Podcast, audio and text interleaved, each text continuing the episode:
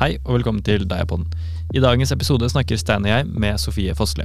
Temaet i dag er spiseforstyrrelser, og vi skal snakke om boken hennes Så utrolig mye mer enn det du ser, hvor hun beskriver et liv med en alvorlig spiseforstyrrelse.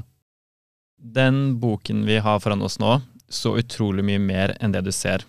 Mm. Kan du gå inn på, på en måte, hva er bakgrunnen for at du valgte å skrive den boken her? Ja. Eh, egentlig så hadde jeg ikke tenkt å skrive noen bok. Det var ikke noen sånn tanke om at jeg skal skrive en bok om dette for at andre skal lese min historie. Men for meg sjøl så mm, var det veldig et hjelpemiddel å skrive ned hva jeg tenkte og hva jeg følte i den perioden. Så mm, man kan jo liksom tenke på et barn som skriker, da. Som ikke vet helt hvordan han skal beskrive de følelsene han har. Og for meg så var det veldig mye hjelp i det å bare skrive ned hva jeg tenkte, hva jeg følte, fordi jeg tenkte og følte så mye som jeg ikke kunne sette ord på, da. Og hvis man bruker litt tid på å først skrive det ned, så blir det lettere å snakke om det seinere. Og det var egentlig det jeg skrev om ekstremt mye dagbøker. Sånn veldig mye om Jeg kunne beskrive hvordan det føltes, og hvordan jeg tenkte om en situasjon. Og bare alt om at det var urettferdig, at ingen skjønte hvordan det føltes for meg, og alt mulig.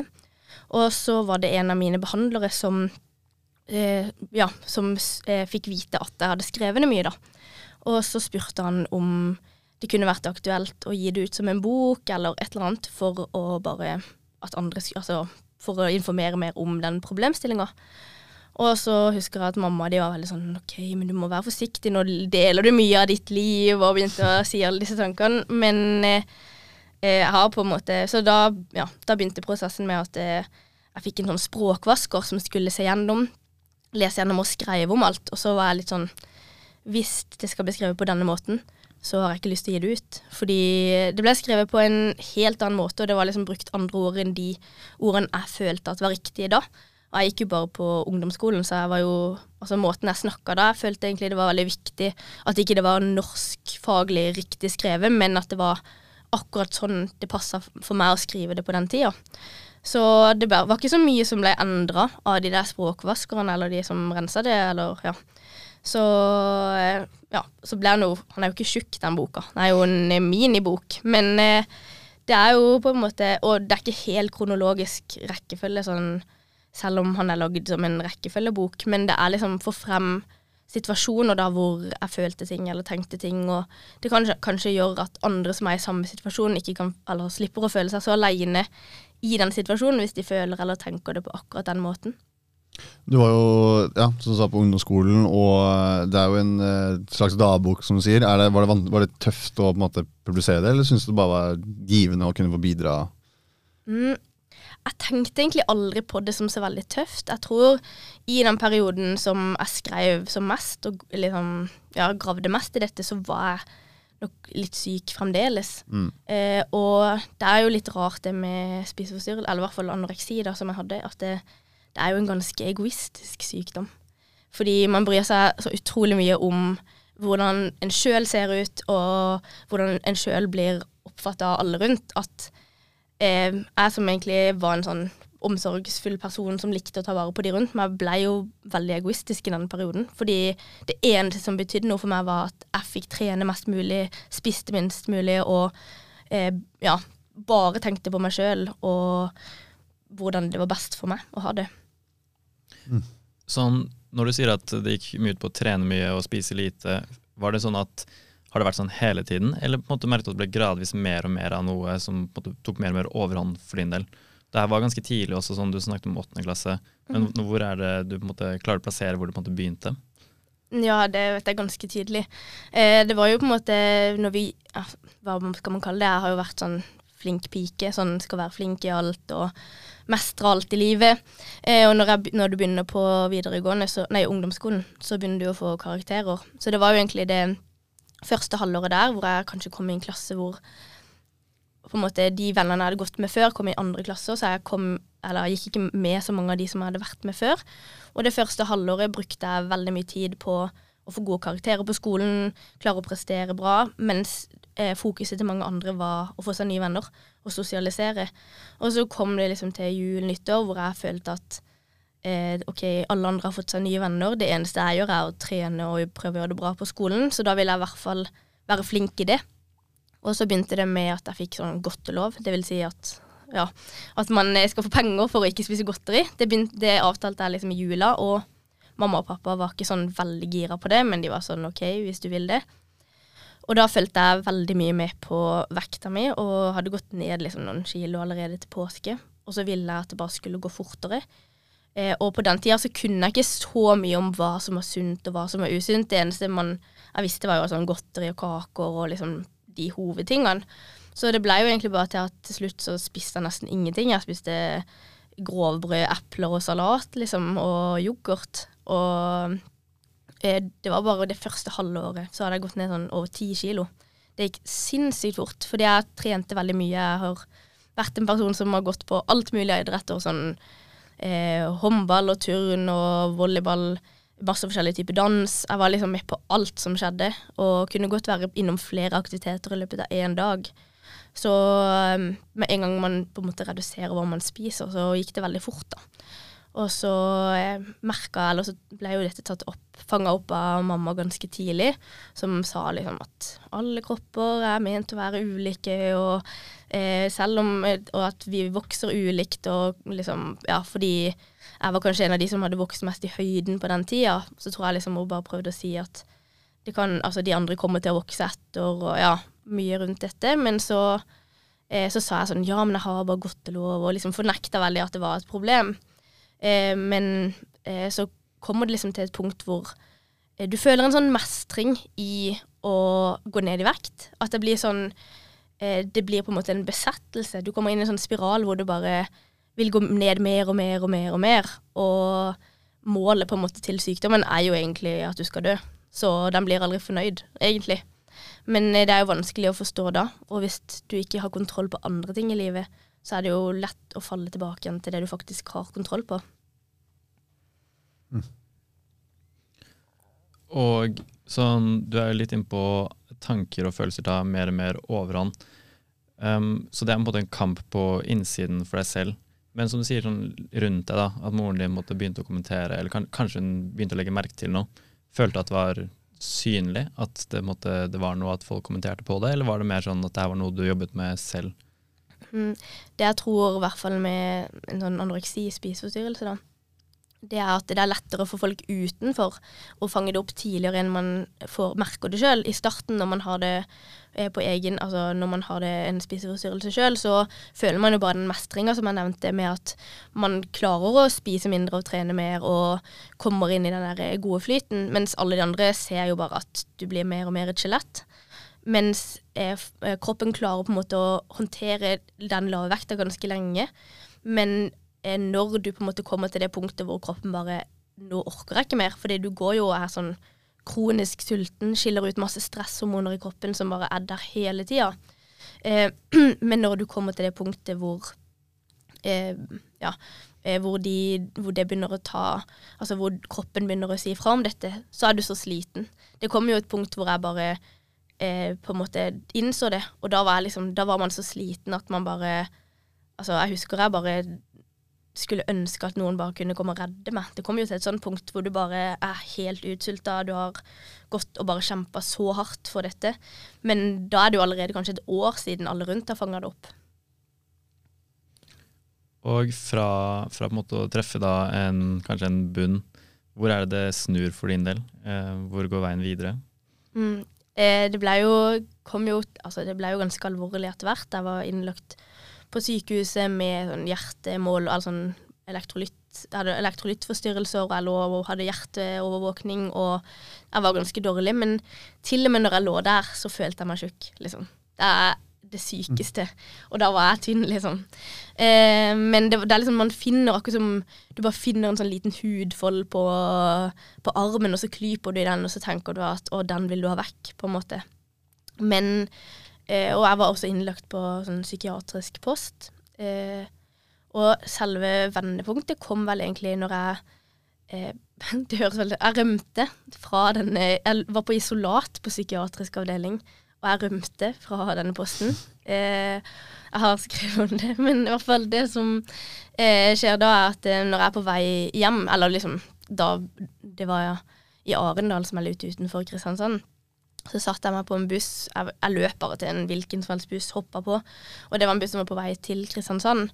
Og da husker jeg at jeg satt bak noen eh, jenter på min alder som satt foran og bare lo og snakka om en eller annen leirskole de hadde vært på, og de hadde hatt det så gøy og sånn. Og så begynte jeg bare å gå inn i meg sjøl, og så tenkte jeg bare sånn Altså, hvorfor vil jeg ha et sånn her liv? Altså, det eneste som var viktig for meg, var å spise lite og trene mye og gå ned i vekt, og jeg kjempa med nebb og klør for å få til dette. Og så var jeg sånn Shit, jeg er jo sykt heldig. Jeg har fått en kropp som er frisk, som jeg kan leve et liv i, og så velger jeg å bare ødelegge for meg sjøl med å ikke spise og ikke ha energi til noen ting av det jeg liker å holde på med. Eh, så det var liksom da at jeg begynte å snu tankene der og tenkte at eh, hvem bryr seg egentlig hvordan jeg ser ut? Altså, ja, ja, jeg er senter av mitt eget liv, men sånn generelt i dette samfunnet det er jo veldig lite betydning sånn egentlig.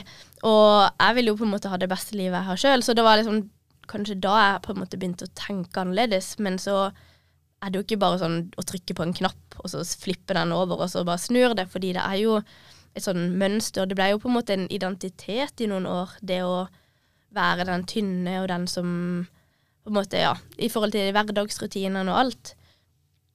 Så, men det var vel da inni meg at jeg på en måte skjønte det at sånn her vil jeg ikke leve, da. Så du måtte på en måte finne ut av deg selv, uansett. For du sa at det var mange som innså det kanskje et år i forveien, at uh, du, du, var veldig tynn. Mm. Men du, du, du, kom ikke til det vendepunktet før du faktisk skjønte det selv? Er det på en måte mm, Fordi Nei, det er liksom ingen Det må liksom Jeg tror eh, Nå liker jeg å bare si det sånn at eh, uansett eh, hvem du er, og om du har en spiseforstyrrelse, så er det jo ulikt for alle.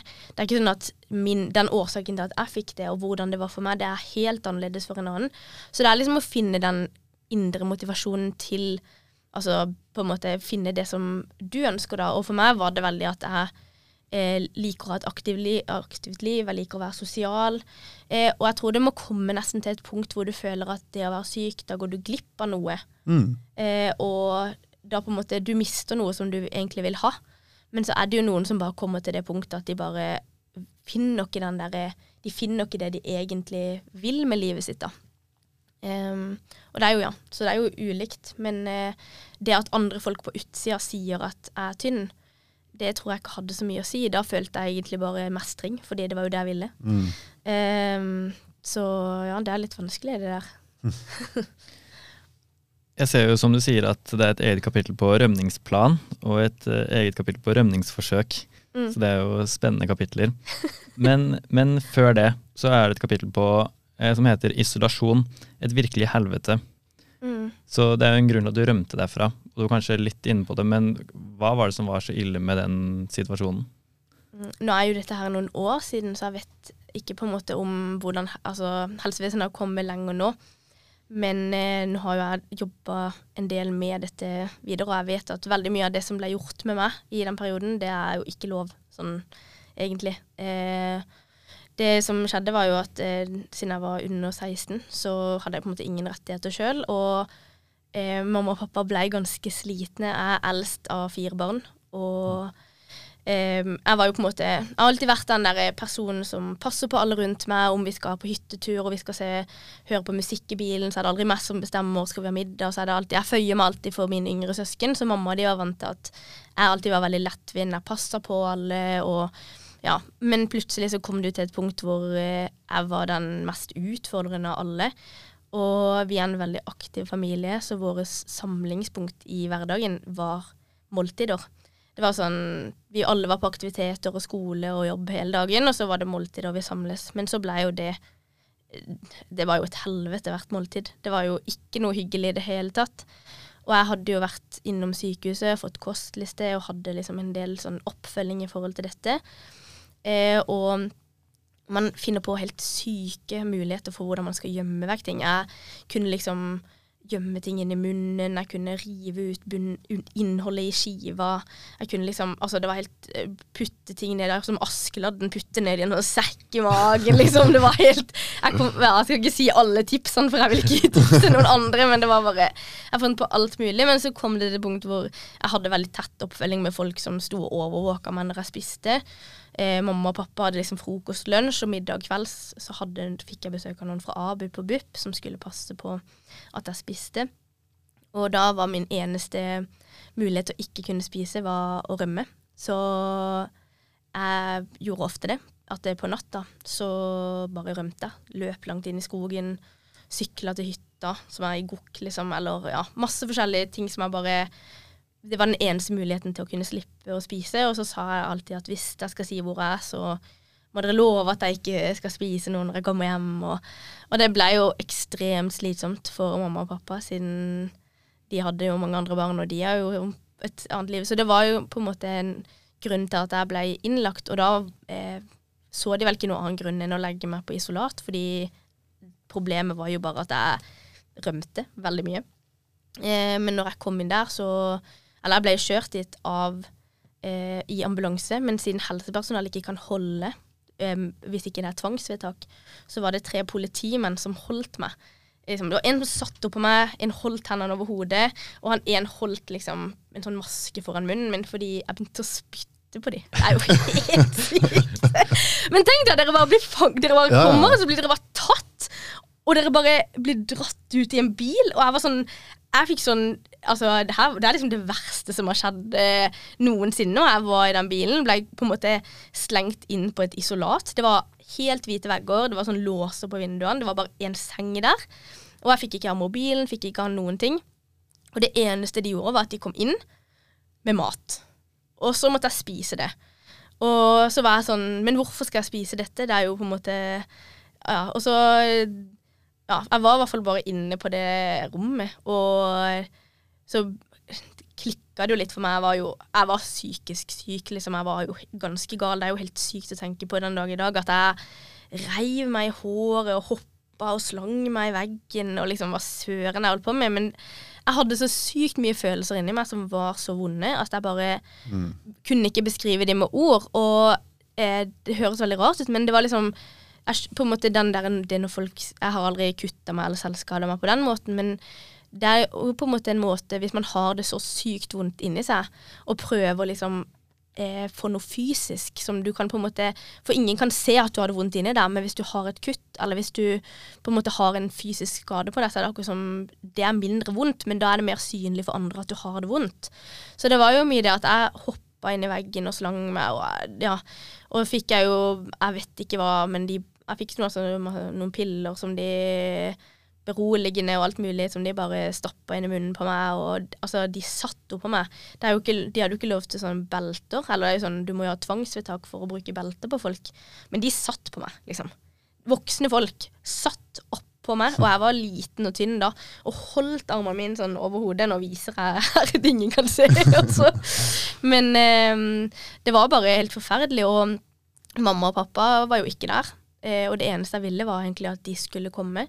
Eh, og så kom vel mamma sånn etter to uker, men da det eneste hun sa, var bare sånn der 'Du er tynn, nå må du spise', og masse sånn, og jeg vet ikke, jeg, det var ikke det jeg trengte å høre, eh, på en måte. Du, eh, apropos det med å, å ha noe fysisk for å komme seg bort fra tankene, så ser jeg at det er også et kapittel om å løpe for å komme seg bort, som sikkert er noe av det du Mm. snakker om også. Sånn etter å da ha vært på, på isolasjon eller isolat, vært gjennom veldig mye, så er det jo en sånn positiv avslutning her, virker det som. Så, så på en måte, selv om du fikk en sånn realisasjon med at tankene eh, med at eh, du har lyst til å leve et bedre liv, men jeg ville anta at eh, de negative følelsene og tankene kom tilbake igjen selv etter at måte, du forsto det. da. Så Mm. hvordan har måte den veien der vært? Det er jo det som er mest interessant. Jo, sant, det er jo ganske mange år eh, hvor jeg på en måte ble friskere og ble litt dårligere igjen og sånn. Og jeg kan jo på videregående Jeg hadde veldig lyst til å gå idrettslinje.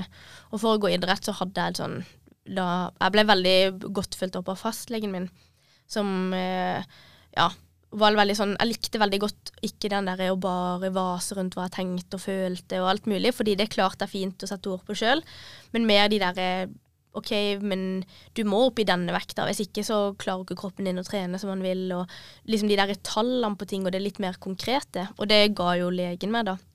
Mm, og da fikk jeg et sånn vektmål som jeg måtte opp til hvis jeg skulle begynne på idrettslinje. Og så ble jo egentlig de årene på, idrett, på videregående ble jo eh, motivasjonen min at eh, jeg ikke skulle være altså, dårligere enn de andre. At hvis ikke jeg spiste nok, så klarte jeg jo ikke å prestere på trening. Så det var jo mye det at jeg spiste for å trene, på en måte. Eh, og, eller omvendt, eller hvordan man vil kalle det. Men eh, ja, og det er jo på en måte ikke det mest gunstige. Og jeg hadde vel på en måte Hvis jeg hadde bare sluppet meg litt løs og spist enda mer og sånn og turte å gå litt mer opp i vekt, så hadde jeg nok fått bedre resultater på all den treninga eller ned, fordi jeg trente ekstremt mye eh, i veldig lang periode. Og etter videregående så begynte jeg også på folkehøyskole. Det var vel da jeg fikk på en måte litt sånn tilbakefall. Eh, fordi eh, jeg var liksom i de vante rutinene mine hjemme. Mamma de har jo alltid hatt et sånn der når vi har spist middag, så er det noen som skal ha en ekstra tacolefse, så ser de litt sånn ekstra bort på meg. Eh, og, skjønner, og jeg, det ble en sånn skikkelig frustrasjon. Men med en gang jeg begynte på folkehøyskole, så var det jo ingen som passa på. Så da var det liksom sånn Ingen passa på at jeg tok den ekstra skiva, eller hva enn jeg gjorde. Eh, og der eh, var det ikke sånn at det var Eller, jeg gikk idrett og villmark, men det var på en måte ikke samme nivå på trening der som jeg var vant til tidligere. Og da var jeg sånn OK, jeg har trent mye mindre enn det jeg pleier, så da fortjener jeg ikke å spise. På en måte at jeg la meg til den sjøl. At jeg slutta å spise når jeg ikke trente. Og spesielt når vi var på ferie, og vi var blant annet i Thailand. Da spiste jeg nesten ikke. Det eneste jeg spiste, var frukt og tunfisksalat. Det var liksom det jeg tillot meg å spise, og da raste jeg ned veldig fort i vekt der. Og da kommer jo liksom tankene, følger jo tankene med. Men jeg var på en måte på et annet sted i livet. At jeg var liksom der at jeg ville ikke bli syk. Sånn at når jeg etter folkehøyskole flytta til Bergen og begynte å studere, så klarte jeg på en måte å komme meg tilbake igjen til det. Men det tok jo litt tid, fordi da måtte jeg finne ut at oi, shit, jeg trenger faktisk mat selv om jeg ikke trener så mye.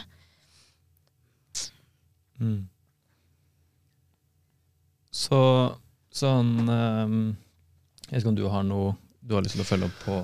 Altså, du sa jo at du, du innledningsvis at du det er um, mange, altså, De som behandlet deg, mente at måtte, her kommer du aldri til å bli helt, helt frisk for. Mm. Og så sier du at du, du fikk det tilbakeslaget på folkehøyskolen som er ganske mange år etterpå.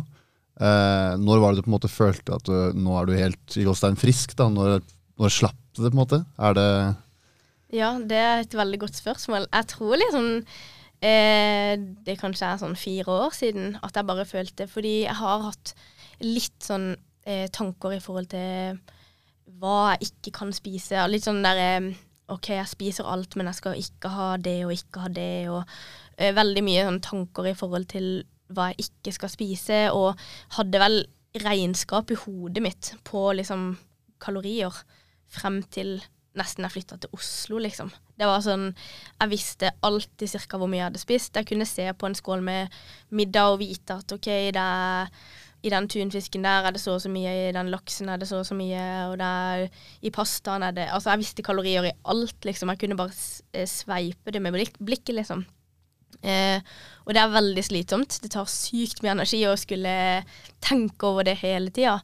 Men eh, nei, det var vel Nei, nå husker jeg ikke helt hva du spurte om hva du ville ha svar på. Deg, når du følte på en måte at du hadde sluppet uh, ja. Det er, ja, det var vel kanskje det siste året i Siste året i Bergen, så det er vel tre og et halvt, fire år siden. Mm. Mm. Og i forlengelse av det, eh, mens du var syk, var det på en måte eh, Tenkte du nei, jeg skal bevise dem feil at jeg kan bli frisk, eller ble du påvirket av disse saker, altså fagkyndige da, som faktisk sa at mest sannsynlig så kommer du ikke til å bli frisk? Eller var det noen håp inni deg hele tiden at du i veien mot, uh, mot uh, helbredelse, at du skulle bli helt uh, frisk, liksom? Helbredelse. Eller veien til å bli frisk, da. Ja. Nei Um, nei, det du nevnte var at det, det var veldig mange som fortalte Eller det er en sånn tanke blant masse helsepersonell at folk som har anoreksi, at det varer så lenge at de mister litt håpet på at man kan bli frisk. Eh, og jeg, det var aldri sånn at jeg gikk og tenkte ha-ha, jeg skal motbevise de, eller et eller annet. Men jeg tror bare at jeg har eh, vet ikke, jeg tenker veldig mye, reflekterer veldig mye over hvorfor jeg tenker som jeg gjør. Og da var det vel mer det at eh, shit, jeg har på en måte fått dette livet, og hvorfor skal jeg sløse det bort på å eh, ikke spise eller ikke ha energi til å gjøre det jeg vil? At det var mer de tingene. Mm. Og så selv om det blir en tanke bak i hodet mitt at det er dette jeg jobber for, så kommer det alltid perioder hvor eh, det på en måte skeier litt ut. At, du, at jeg hadde spist mye en dag, og så får jeg helt panikk resten av uka og bare føler at nå må jeg forbrenne litt mer, og så åh nei, det var jo ikke det jeg ville, og så, så tar det litt sånn overhånd. Men har, det har skjedd en del eh, ting seinere i livet, altså de siste årene også, som egentlig burde potensielt gjort at hvis jeg hadde slitt fremdeles, så kunne jeg fått tilbakefall. Men det har jeg ikke fått. Så det er jo på en måte en ganske check på at, eh, at jeg kommer ikke til å havne der på nytt. Mm. Eh, men det har jo vært sånn Kanskje tendens til litt sånn treningsforstyrrelser etter det, da. Sånn hatt noen perioder hvor jeg har eh, Altså, man har det vondt inni seg, og så før har jeg kontrollert det med å spise mindre, eller ja, kontrollert det med mat, mens det har gått mer over til at jeg kanskje har kontrollert det litt med trening. Men det føler jeg egentlig nå, de siste årene også, har forsvunnet helt at eh, For det fører bare til at man blir skada. Jeg hadde en periode hvor jeg, i, når eh, korona kom i 2020, fra det halvåret, da var det an en del andre ting også som skjedde i livet mitt. Og da snitta jeg vel på sånn 160 km i uka med, med løping i sånn over et halvt år. Og det var liksom det var bare fordi Men det trengte jeg veldig da, fordi da brukte jeg løping som sånn terapi. Jeg jogga langt i skogen, to mil, mil på morgenen og to mil på kvelden, og bare tenkte over ting. For det var litt det der hvis jeg var inne og lå i senga, så tenkte jeg eh, urasjonelt og negativt. Men hvis jeg, var, hvis jeg var ute og løp, så tenkte jeg rasjonelt og positivt. Men eh, det er jo litt det å finne seg en annen måte enn å bare løpe, løpe til gokk, liksom. For en ting jeg lurer på da, er når jeg har veldig sånn harde økter, så jeg går fem mil på ski, og jeg tar meg ordentlig ut, så spiser jeg mye i tillegg for å restituere kroppen. Mm. Men du sier at du ikke gjør det. Og da hadde jeg blitt helt ødelagt i kroppen fysisk, og så påvirker det meg mentalt. Det for sånn her, jeg kan få negative tanker eller følelser, eller bare sånn mer negativt sånn syn på alt, da. Jeg bare ser for meg at Hvis du gjør det her dag etter dag, så du må jo være kjempehard sånn mental belastning. Altså, først fysisk belastning, som da blir en mental belastning. Bare, det, er, det, er imponerende. Ikke bare å trene så mye, men liksom å ikke få restituert seg i tillegg. da. Det er, bare sånn, det er knallhard belastning på kroppen. Ja. ja, det er et veldig godt poeng. Det er liksom nå De siste årene, da, når jeg på en måte ah, har begynt å trene litt andre ting enn det jeg gjorde før. Jeg har jo Som yngre så trente jeg jo turn og beachvolleyball er liksom det jeg har trent mest. Og så har jeg begynt å løpe og gå litt på ski, og så har jeg svømt litt, og jeg har gjort masse forskjellig. Og da føler jeg jo at det skal ikke så sykt mye til for at jeg blir bedre, og det tror jeg at er liksom fordi jeg vant til å ha det vondt. Sånn at nå når eh, jeg får mat også, så blir jeg sånn Shit, det er jo dritlett, det der. jeg, men jeg har ganske sterk eh, vilje. Så hvis jeg bare Sånn du sa at du blir veldig sliten og kan få litt sånn vonde tanker, det er selvfølgelig får jo jeg også det. Det er jo Livet går opp og ned, og det er bare noe man må akseptere at det gjør. Men eh, det er liksom eh, Ja, jeg er jo en utad ganske positiv person. Jeg liker liksom å tenke positivt på ting. Og noen ganger hvis jeg bare har negative tanker inni meg, så tenker jeg bare nei, dette går over. Eh, du får det bedre i morgen, og så går det jo alltid over. Men eh, det er litt det der å akseptere at man har det vondt, og at alle har det litt dritt av og til. Men eh, det hadde jo Jeg vet ikke. Eh, jeg jo Det er jo sånn vet ikke, Dere har jo snakka litt om å være i militær, og sånn, og da er det sikkert sånn man er dritsulten og går i mange timer uten mat på en sånn Vet ikke om dere har hatt noen sånne prøvelser.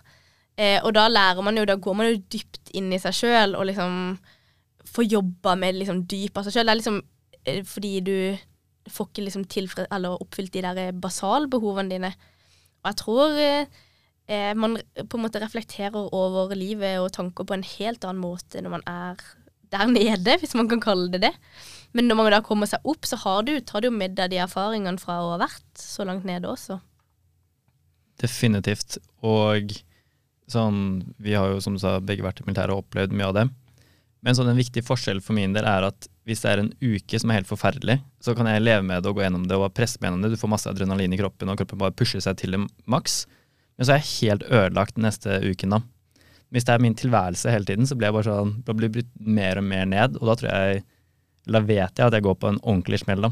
Så, så sånn helt enig er lurt å prøve å presse seg. Man lærer veldig mye av det. Da kjenner man på sånn, okay, hvem er det jeg egentlig er, hvordan, hvordan forholder jeg meg til eh, hva jeg egentlig har lyst til. Eller hva som Jeg har ikke lyst til å fortsette å gå nå, men jeg klarer det jo, så hvorfor gjør jeg det? Så blir du mer kjent med sånn, okay, hvem er det jeg egentlig er. er. Jeg er jo ikke tankene mine, for det er ikke de som styrer meg nå.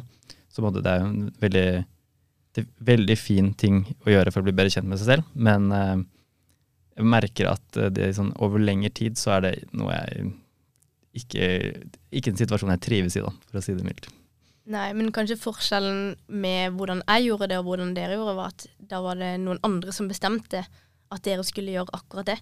For meg så er det meg sjøl som har bestemt, som bestemte meg inni hodet mitt for at dette skal jeg gjøre. Og fant meg kanskje nye motivasjonsfaktorer hver gang. Sånn etter en uke så var det på en måte kanskje noe annet som motiverte meg den neste uka. Og så var det noe annet uka etter der. Og så blir det på en måte eh, Det kom aldri til det punktet hvor jeg tenkte nå er jeg sliten, og gidder ikke å gjøre dette mer. Fordi det, bare, det var et sånn indre drive som bare fant nye måter å tenke på det, og nye, ja, nye motivasjonsfaktorer.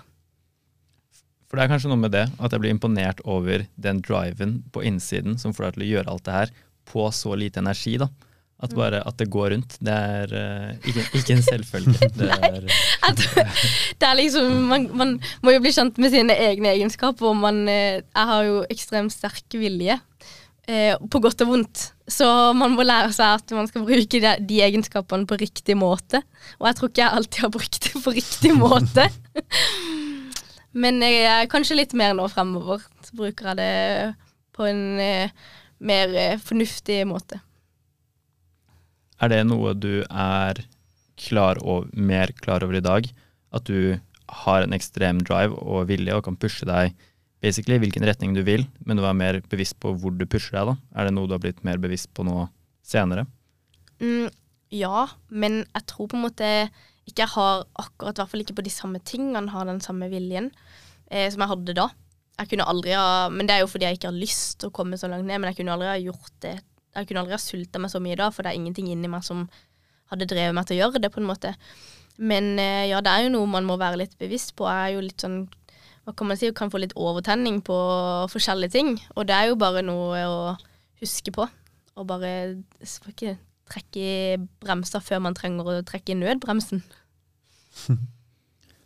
og for de som eh, Du nevnte i starten at det er folk som tar kontakt med deg. Eh, hva er det du ofte sier som sånn råd eller tips for de som da har lyst til å høre om din historie, da? Hvis de, mm. hvis de er i noe lignende selv, da. Ja det er veldig ulikt. Noen, som, noen kontakter meg og jeg har ei venninne eller ei datter eller noen pårørende da, som sliter med mat, eller ja, er bekymra for noen. Og så er det jo noen som kontakter meg sjøl fordi eh, de har det vanskelig. Det er færre av de som sliter med det sjøl, for det er jo det som er hovedproblemet, er jo at man ikke innser at man har et problem. Så, eh, men jeg pleier ofte å Hovedtingen jeg pleier å si, er at det er ulikt for alle. Og de rådene jeg sitter med og jeg kan gi, det er på en måte dere må, alle må huske at eh, vi er forskjellige alle sammen. Og eh, jeg kan gi råd basert på det jeg, har opplevd, men jeg kan ikke gi råd basert på hvordan det er for de. Men det er jo mye det at sånn i forhold til i møte med folk som har en spiseforstyrrelse, så er det jo det å snakke om hvordan du oppfatter det sjøl. Si at ikke si du er tynn, ikke påstå noe, men si mer sånn eh, jeg, er veldig bekymra for deg, fordi jeg ser at du har blitt veldig tynn, og eh, på en måte kanskje det å eh, være tynn eller ha en spiseforstyrrelse, det er ofte ikke det som er problemet. Det er jo ofte en måte å kontrollere problemet på. Så det er jo nesten det samme man kan sammenligne med folk som er rusavhengige, eller folk som selvskader seg. Alle har jo Det er en grunn til at de gjør det. Så det er på en måte eh, det å ta tak i årsaken mer enn å ta tak i selve det som folk ser ut av og som er problemet, da. Det er jo på en måte det som er grunnen, og så er det jo ulikt hvorfor folk har det problemet. Og det er jo det som er sykt bra med at dere har en Altså dere åpner opp for at folk kan snakke mer på, om hva som er på innsida. Fordi når man møter folk på gata, så har, får man en oppfatning av de. Og jeg kan også si med vennene mine det er sånn Ja, jeg vet jo en del om de, men jeg vet jo ikke alt. Så det er jo alltid sykt mye mer bak et menneske enn det man ser på utsida. Og det er veldig fort for folk å dømme basert på det de bare ser. Men eh, bare å være litt bevisst på at OK, kanskje det er en person som alltid kommer for seint på jobb, eller eh, en elev på barneskolen som bare bråker og slår de andre i friminuttet. Det er jo alltid en grunn for at den gjør de handlingene. Og det er jo det med sånn spiseforstyrrelser å ta tak i det som er grunnen. Ikke si til den ungen i tredje klasse ikke slå Per eh, i friminuttet, men heller på en måte prøve å finne ut hvorfor han gjør det. Opplevde du at den, du ble møtt på den måten? Eller var det over, eh, altså var flere av de som ikke gjorde det på den måten? Hva mener du når jeg Når du, var, eh, altså når du slet med spiseforstyrrelse, og du så på en måte hvordan man skal tilnærme, deg, tilnærme seg deg eh, Mm. for å på en måte ta et tak på problemet, var det opplevd at de fleste tok, gikk rett på en måte at du er tynn, men ikke spurte hvordan har du det egentlig? Eller var det, var det flere av de som gjorde det? på en måte, eller? Ja, de fleste skulle på en måte si at eh, spis mer, hvorfor Mm. er eller du er tynn, ikke, ikke tren, spis mer. Og det er jo sånn eh, Fremdeles når jeg får sånn julekort av mormor, liksom, så skriver hun alltid sånn eh, Håper du spiser mer enn du trener. Hun er fra Grimstad, og jeg slår alltid over til Grimstad. Men nå er det liksom Det er på en måte en sånn grunnting at det, det er liksom det folk husker, mer det de har sett, da, enn mer enn det som ligger bak. Men det er jo det som av og til kan være litt vanskelig å finne det som er bak, fordi sånn, jeg visste det ikke helt sjøl heller. Jeg visste ikke hvorfor jeg fikk en spiseforstyrrelse. Jeg på en måte klarte ikke å ta tak i det sjøl. Så det er jo det man kanskje trenger hjelp til, å finne ut hvorfor man, hvorfor man gjør som man gjør, da. Mm. For én ting som jeg har hørt gjentatte ganger med spiseforstyrrelser, er at det er ofte hvis man har lite kontroll i livet, det skjer mye, og man har ikke helt, vet ikke hva man skal gjøre, og så er mat noe som er kjempelett å få kontroll på. Man kan liksom kvantifisere det til kalorier. Så vet du sånn, ok, jeg skal ha så mange kalorier, du har, du har kontroll. Mm. Um, er det Jeg antar jo på en måte at det er noe du snakker sånn til nå, at man har en underliggende årsak, og så kan være spiseforstyrrelser et symptom på hvordan man egentlig har det, og så uten å egentlig vite hvordan personen har det på innsiden, så er det bare sånn Det er ikke sikkert at det er spiseforstyrrelser som er problemet, men at det er noe som ligger bak i tillegg, da. Mm. Det er jo akkurat det du sier, og det er jo sånn Ja, jeg bare kom på en sånn tanke, for jeg var jo med når korona kom også, så ble det jo en veldig økning i spiseforstyrrelser. Og det er jo fordi mange som hadde et behov for å ha kontroll over ting, plutselig kunne de ikke vite om de skulle på skolen, de kunne ikke vite om de fikk lov å gå ut av hjemmet sitt, de fikk ikke lov til å De visste ikke om de fikk lov å være med vennene sine, de visste ingenting. Og da var det sånn det eneste de kunne vite, var hva de putta inn i kroppen, og hva de forbrant, på en måte. Ehm, men eh, ja, det er jo liksom Ja, jeg vet ikke hva, du helt ville få, eller hva, hvilken detalj du ville få ut av det. Nei, jeg prøvde egentlig bare å delvis oppsummere, og eh, jeg vet at det er um, Prøvde å bare berike samtalen med et lite innspill. Ja, jeg syns du var god! Uh, Men vi, vi har jo snakket mye om uh, boken og spiseforstyrrelser, og det er på en måte nedsiden av mental helse, hvordan det kan gå på en måte ikke dårlig nødvendigvis, men man har tøffe perioder. Så i dag, da, hvordan er det du sørger for at du har en god mental helse og har det bra med deg selv? Er det noe du akt- aktivt jobber med og, eh, i dag?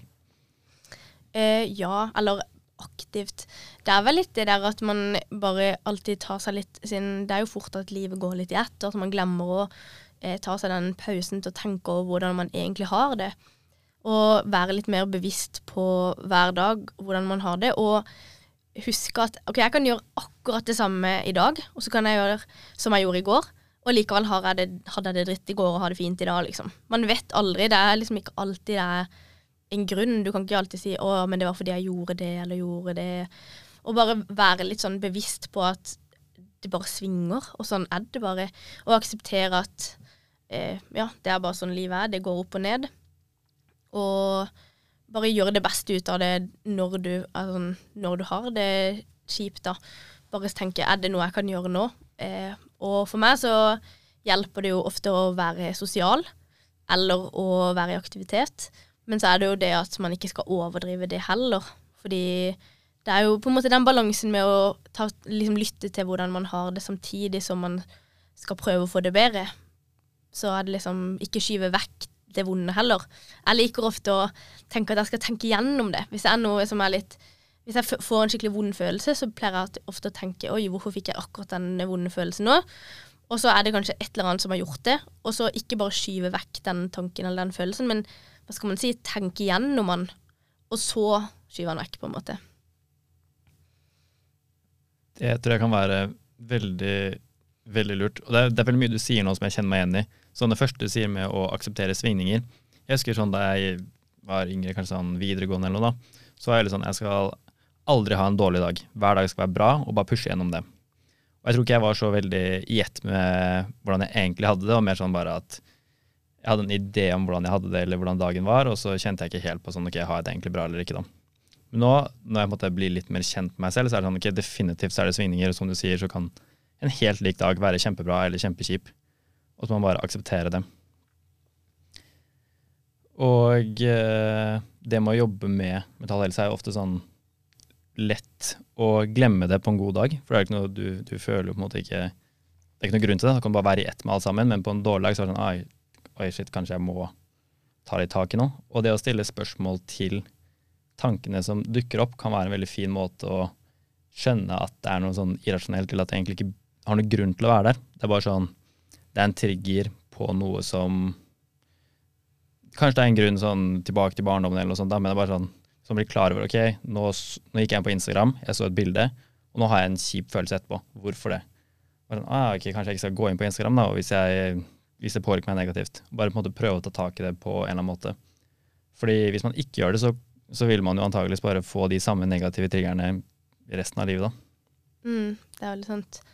Og så er det sånn, jeg har jo vært ganske flink til å snakke om på en måte hvordan jeg har det fra ganske tidlig, fordi når jeg begynner å gi ut en bok om mitt indre, altså sånn, eh, så blir det liksom en veldig naturlig del for meg. Men likevel så liker jeg liksom ikke å gå og eh, på en måte bare pålegge folk Hvis jeg har det kjipt, da, så går jeg ikke og forteller alle at og jeg har det kjipt. Jeg liker ofte å bare ta det med et smil, og så kan man på en måte Men at man har noen venner eller noen man føler seg trygg på, så man kan snakke med de litt dypere tingene av og til, og som du føler at forstår deg. Ikke bare på en måte ja, leve i en fasade. Jeg er veldig glad i de litt dypere samtalene. De hvor man liksom kan reflektere over livet og kanskje se ting på en annen måte enn det man gjorde før. Veldig enig. Og det er ingen selvfølge at man finner sånne venner eller partnere eller familievenner eller hva, hva, det måtte være. Det er, jo, det er jo kanskje det som er grunnen til at det er lettere å bli kjent med seg selv etter hvert også. At man møter andre som er med på den samtalen. At man kan faktisk ha den samtalen med noen. Og det er jo sånn, vi, vi er jo en guttegjeng nå som har et uh, selskap som fokuserer på mental helse. Men altså, vi har ikke altfor mange dype samtaler om mental helse. Vi, har, vi kan definitivt ha noen.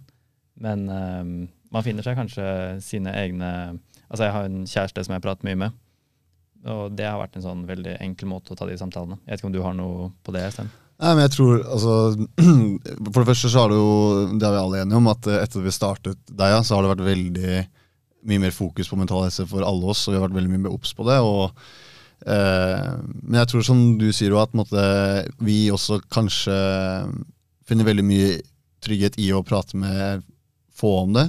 Eh, om mental helse. Og det er, det er, på en måte tankegangen vår òg. Altså, så lenge du prater med noen om det. Det trenger ikke være at du skal dele det ved enhver anledning, men så lenge du klarer å åpne deg fordi du føler deg trygg rundt, og, og også kanskje søke til flere personer. Eller hvis du ikke har så mange, som du sier, da, eller er ikke en selvfølge at foreldre eller Men i hvert fall prøve å teste litt kanskje med foreldre som ikke har gjort så mye ofte før. da, eh, Kanskje har, du har en oppfatning om at de Nei, de er ikke så mottagelige, men når du først kanskje prøver at du da at du finner faktisk ganske mye eh, fint i en søsken eller foreldre eller Men eh, Så nei, vi har ikke kanskje vi har ikke de dypeste samtalene i deres møter eh, alltid, men jeg tror bare den bevisstgjøringen av å snakke ut om ting er veldig godt også, fordi det kan Mye kan skje ved å bare sitte og kverne opp i huet. Så ja, jeg tror, tror liksom, det er kanskje det mer går på det. At vi er like der. Og en ting som slår meg når du sier det, altså sånn når man går gjennom noe der og da, så er det ofte veldig sårt, og da er det sånn kanskje maks én person du er villig til å prate med det om. Men når du har vært igjennom det og ser tilbake på det, så er det, da er det mye av det såre borte. Kanskje sånn litt følelsen av å skrive en bok og kunne snakke om det i ettertid. Og da kan man faktisk dele det med flere. Mm. Jeg føler det er mer kanskje det aspektet vi treffer med deg. at sånn, Når vi snakker i podkasten, så kan jeg snakke om ting som har vært kjipt før. Men jeg hadde aldri gått på podkasten og sagt sånn ikke i dag har jeg det helt sinnssykt kjipt, Mm. og alt suger. Mm. Så det er kanskje sånn forskjell på når man opplever det, og bare ser tilbake på det, hva man har lært av det. Og liksom, ja. Mm. Absolutt. Jeg er helt enig. Jeg kan jo også si at sånn eh, liksom Det er jo noen sånn, Nå har jo jeg blitt veldig god til å snakke om tanker og følelser og alt mulig, men jeg har jo ikke alltid vært det. Og det tror jeg kan være veldig vanskelig hvis man sitter i en setting, er med mange andre folk som er veldig flinke til å dele, og så tenker man shit, jeg vet ikke hvordan jeg skal beskrive mine følelser eller tanker, eller Og så blir det liksom nesten en sånn prestasjon i altså sånn at du føler at det er en prestasjon å kunne snakke om det også. Og at de som klarer å reflektere mye rundt sine tanker og følelser, virker jo veldig sånn selvsikre og som reflekterte personer. Men eh, da har jeg liksom et tips, og det er det som jeg gjorde når jeg skulle skrive bok. Det er egentlig bare Tenk tenke at du skal skrive en dagbok for deg sjøl. Liksom, det er jo ingen som skal lese den. Bare liksom prøve å skrive ned hvordan du tenker og hvordan du føler. Eh, og det kan faktisk hjelpe, fordi hvis du bare vet at du har tenkt noe det er vondt, og så har du skrevet ned på et papir, så er det nesten som man bare kan slippe det litt, fordi du bare tenker å, det står der. Det er nesten som å skrive en sånn huskelapp. Bare da vet du at det står der. Og etter hvert så kanskje man kan bli flinkere til å dele det med andre, og da er det jo at hvis jeg forteller om noe som er vondt til dere, så er det akkurat som Å, da er min Alt det vonde jeg hadde inni meg, det er delt på tre stykk. Sånn at det, da er det mindre vondt for meg, på en måte. Mm. Og det å bare bli litt bevisst på, bare få et ord på hvordan det føles, det letter ofte veldig mye. Mm. Ja, det er sånn, Apropos du snakket om sånn eh, tredjeklassing som slår. og det er også sånn, Jeg bor som SFO-assistent. og det er altså sånn eh, På de som har det vondt og prøver å på en måte De kan ikke kanskje formulere seg på den måten, men det er altså da ved å tegne. da Sånn Få ut på en måte følelser. Jeg tror bare det som du sier, det er få det ned på papir, uansett om det er skriftlig eller om det er grafisk. holdt på å si, så er det Jeg tror- tror det er mye hjelp for seg. Mm. Mm. Er det sånn du ofte ser tilbake på, eller er det mer sånn bare å få det ut der og da? Når du, når du skriver ned mm, tanker og følelser? Eh, Jeg kan ofte glemme det litt sånn nå, men jeg prøver faktisk å være litt bevisst sånn nå, fordi det er jo kommer alltid perioder hvor det er et eller annet vondt, og det skjer noe på jobben, eller krangler med noen venninner, eller eh, eh, et eller annet som skjer som er vondt. Og da prøver jeg å minne meg sjøl på at oi, kanskje jeg burde skrive det ned, fordi det blir ofte bedre da. Eller at jeg må gå og snakke med noen om det. Og det trenger ikke å være en psykolog. Det er bare at det blir på en måte Det med psykolog er jo en veldig trygg arena, for da er det noen som ikke kjenner deg fra før. De kan ikke dømme deg på noen som helst måte. Og det tror jeg er en veldig trygghet for mange hvis ikke de har noen gode venner å snakke med, da. Mm. En ting jeg husker du nevnte så vidt da vi var på skitur, det kan du mener det er at jeg husker feil, men eh, at du er en veldig positiv person, det, det vil jeg definitivt si at de, det er mitt inntrykk av deg. Mm. Og at veldig mange da har et post, sånn inntrykk av at du er en kjempe sånn superpositiv person. Mm.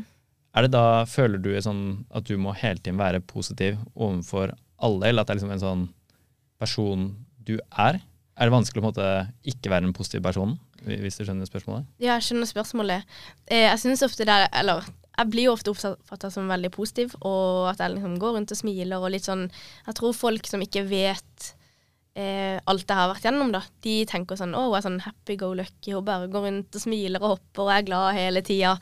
Eh, men eh, jeg syns egentlig ikke at det gjør noe. Hvis, eh, liksom sånn, jeg kan snakke dypt med noen folk om hva som er vanskelig, og jeg er veldig åpen om det. At det er noe Det er bare sånn jeg er. Og det var litt sånn når jeg var på mitt sykeste også, når jeg gikk på ungdomsskolen, så skjønte jo ikke han ene læreren min, han var jo ikke akkurat den skarpeste kniven i skuffa, men han skjønte ikke at jeg var syk, fordi jeg smilte jo alltid og var så glad på skolen. Eh, og det er litt sånn Jeg kan vel kanskje ofte ta på meg en sånn maske, eh, men det er, ikke, det er ikke belastende for meg, på en måte. Det er ikke eh, sånn at jeg føler at jeg må det. Det er bare Jeg tenker alle trenger vi alle har det Altså, det er alltid noen som har det dritt. Og hvis eh, alle rundt Hvis alle rundt meg Hvis jeg er borti 30 personer på en dag, så er det jo garantert en av de personene som har en litt drittdag. Sykt kjipt hvis det skal smitte over på alle de andre hver gang. Da, er det jo, da har man det jo dritt hver dag, da. Mm. Så eh, nei, jeg føler egentlig ikke det, det er noe belastende for meg. Jeg syns ja, Jeg liker å være glad. ja. Det er veldig fint. Og det, det smitter jo over, ja, som, Mm. eh, som du sier.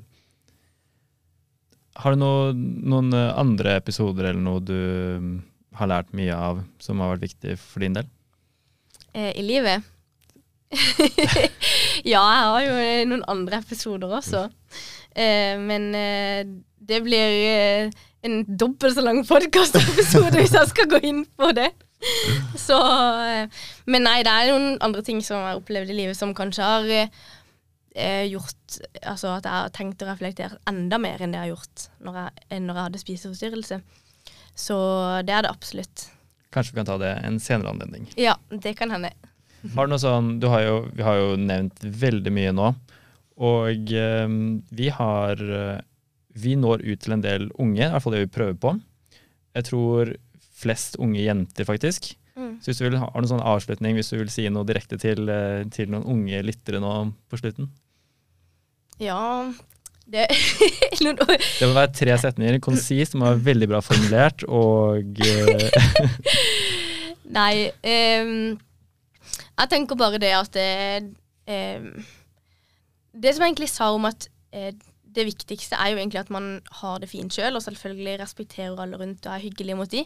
Men sånn Ja, man er sentrum av sitt eget liv, men det er ingen som bryr seg om om man er tynn, eller om man er pen, eller noen ting. Altså sånn, eller det kan jo være at noen bryr seg, men hvis noen vil henge med meg fordi jeg er tynn eller er pen, så er det jo egentlig ikke det jeg vil. Jeg vil jo at de skal være med meg fordi jeg er en gøy person å være med.